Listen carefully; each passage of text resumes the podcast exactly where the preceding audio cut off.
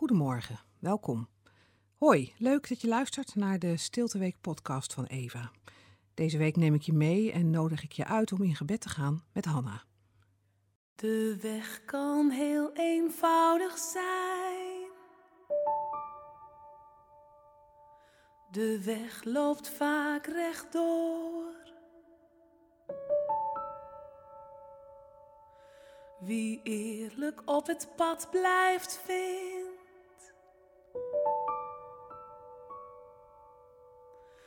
de kalmte in de storm.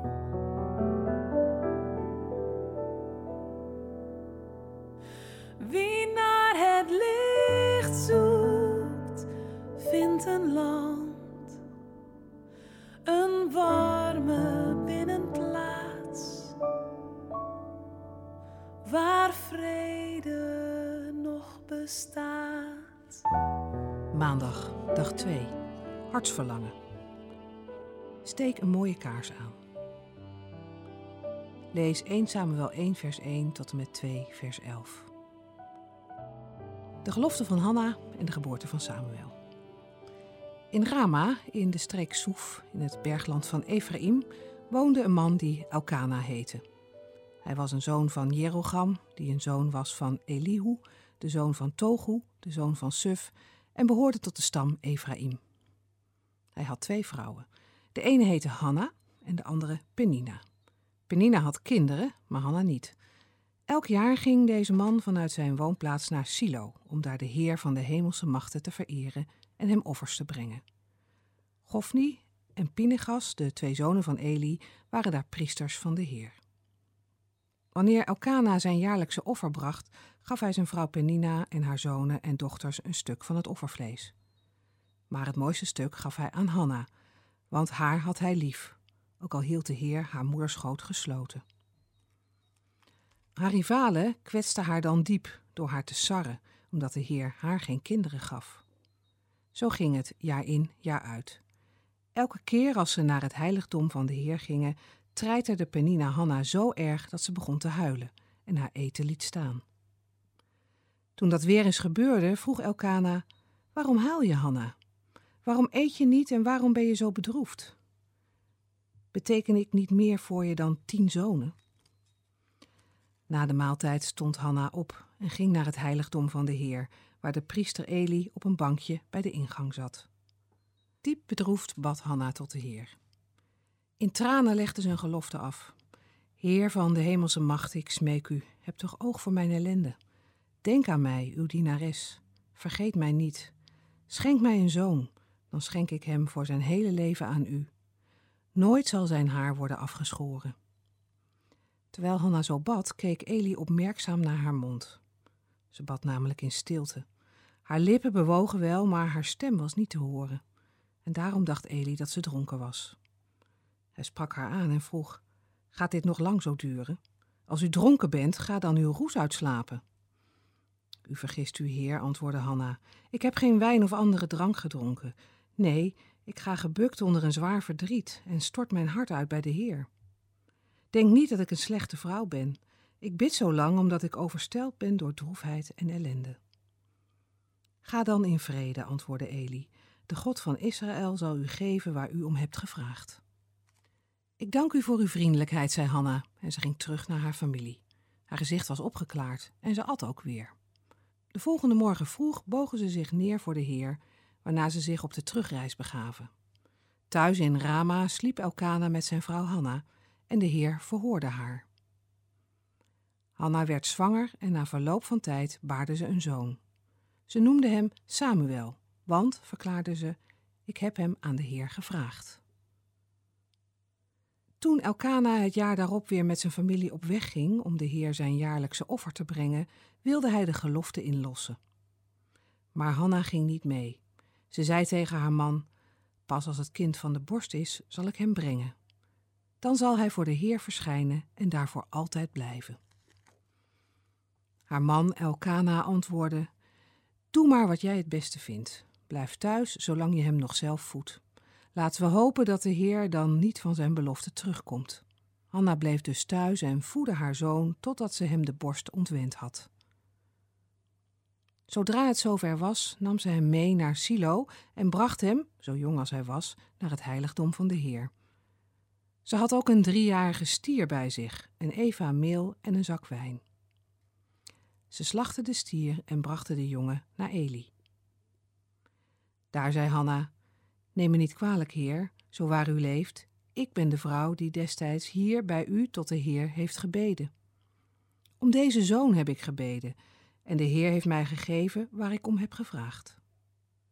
Nu geef ik hem op mijn beurt aan de Heer, voor alle dagen die hem gegeven zijn. Toen knielde Eli voor de Heer. En Hanna bad: Nu juicht mijn hart dankzij de Heer. Vier heft mijn hoofd zich op, dankzij de Heer. Mijn mond spreekt vrijmoedig tegen mijn vijanden, want dankzij uw hulp beleef ik vreugde. Geen is er heilig als de Heer. Er is geen andere God dan u. Geen rots is er als onze God. Gebruik toch geen grote woorden, blaas niet zo hoog van de toren, want de Heer is een alwetende God. Door hem worden onze daden gebogen. De boog van de helden is gebroken, en wie wankelen weten zich gesterkt. Die genoeg hadden, verkopen zich voor brood, en wie hongerde zijn verzadigd. De onvruchtbare baart zeven zonen, en wie veel kinderen heeft, verwelkt. De Heer doet sterven en doet leven, zendt naar het dodenrijk en luidt eruit omhoog. De Heer maakt arm en hij maakt rijk, vernedert diep en heft hoog op. Hij verheft uit het stof wie berooid is. Uit het vuil tilt hij op wie alles ontbeert. Hij laat hen wonen bij hooggeplaatsten. Hij houdt een ereplaats voor hen vrij. Van de Heer zijn de pijlers der aarde, waarop hij de wereld heeft vastgezet. Die hem trouw zijn, behoedt hij op hun pad. Maar de zondaars komen om in het duister. Ontoereikend is de menselijke kracht. Wie het opneemt tegen de Heer, wordt gebroken. Vanuit de hemel dondert hij hun toe. De Heer spreekt recht over heel de aarde. Hij geeft macht aan de koning die hij kiest en verhoogt het aanzien van zijn gezalfde. Daarop ging Elkana terug naar huis, naar Rama. De jongen bleef achter onder de hoede van de priester Eli om de Heer te dienen.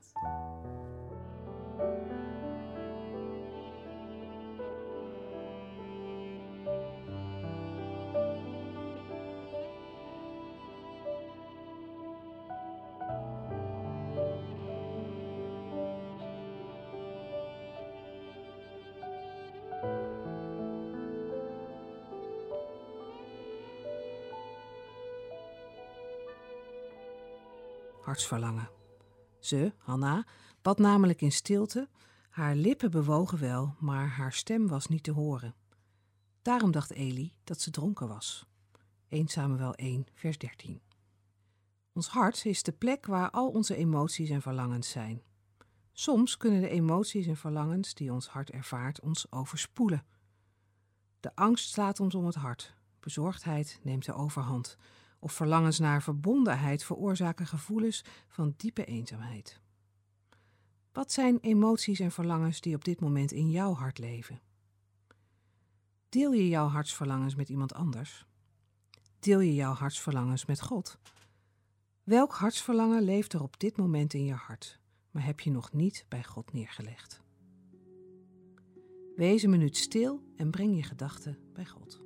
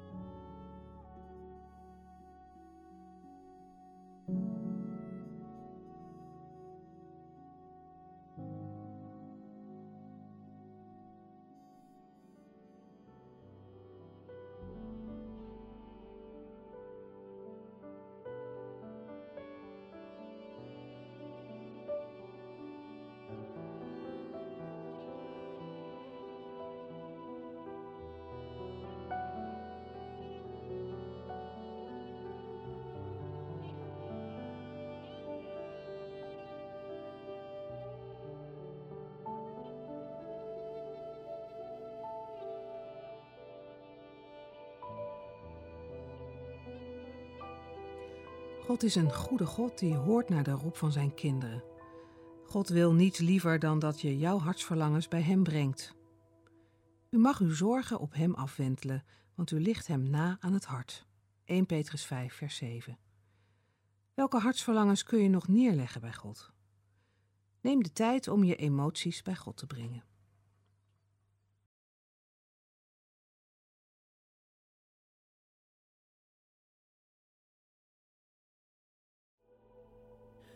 Wat hier beneden is, is ooit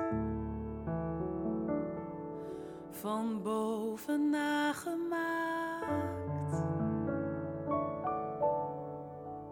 Dus niets dat ik bedenken kan, dat boven niet bestaat. Genade daar bestaat, zal hier genade zijn.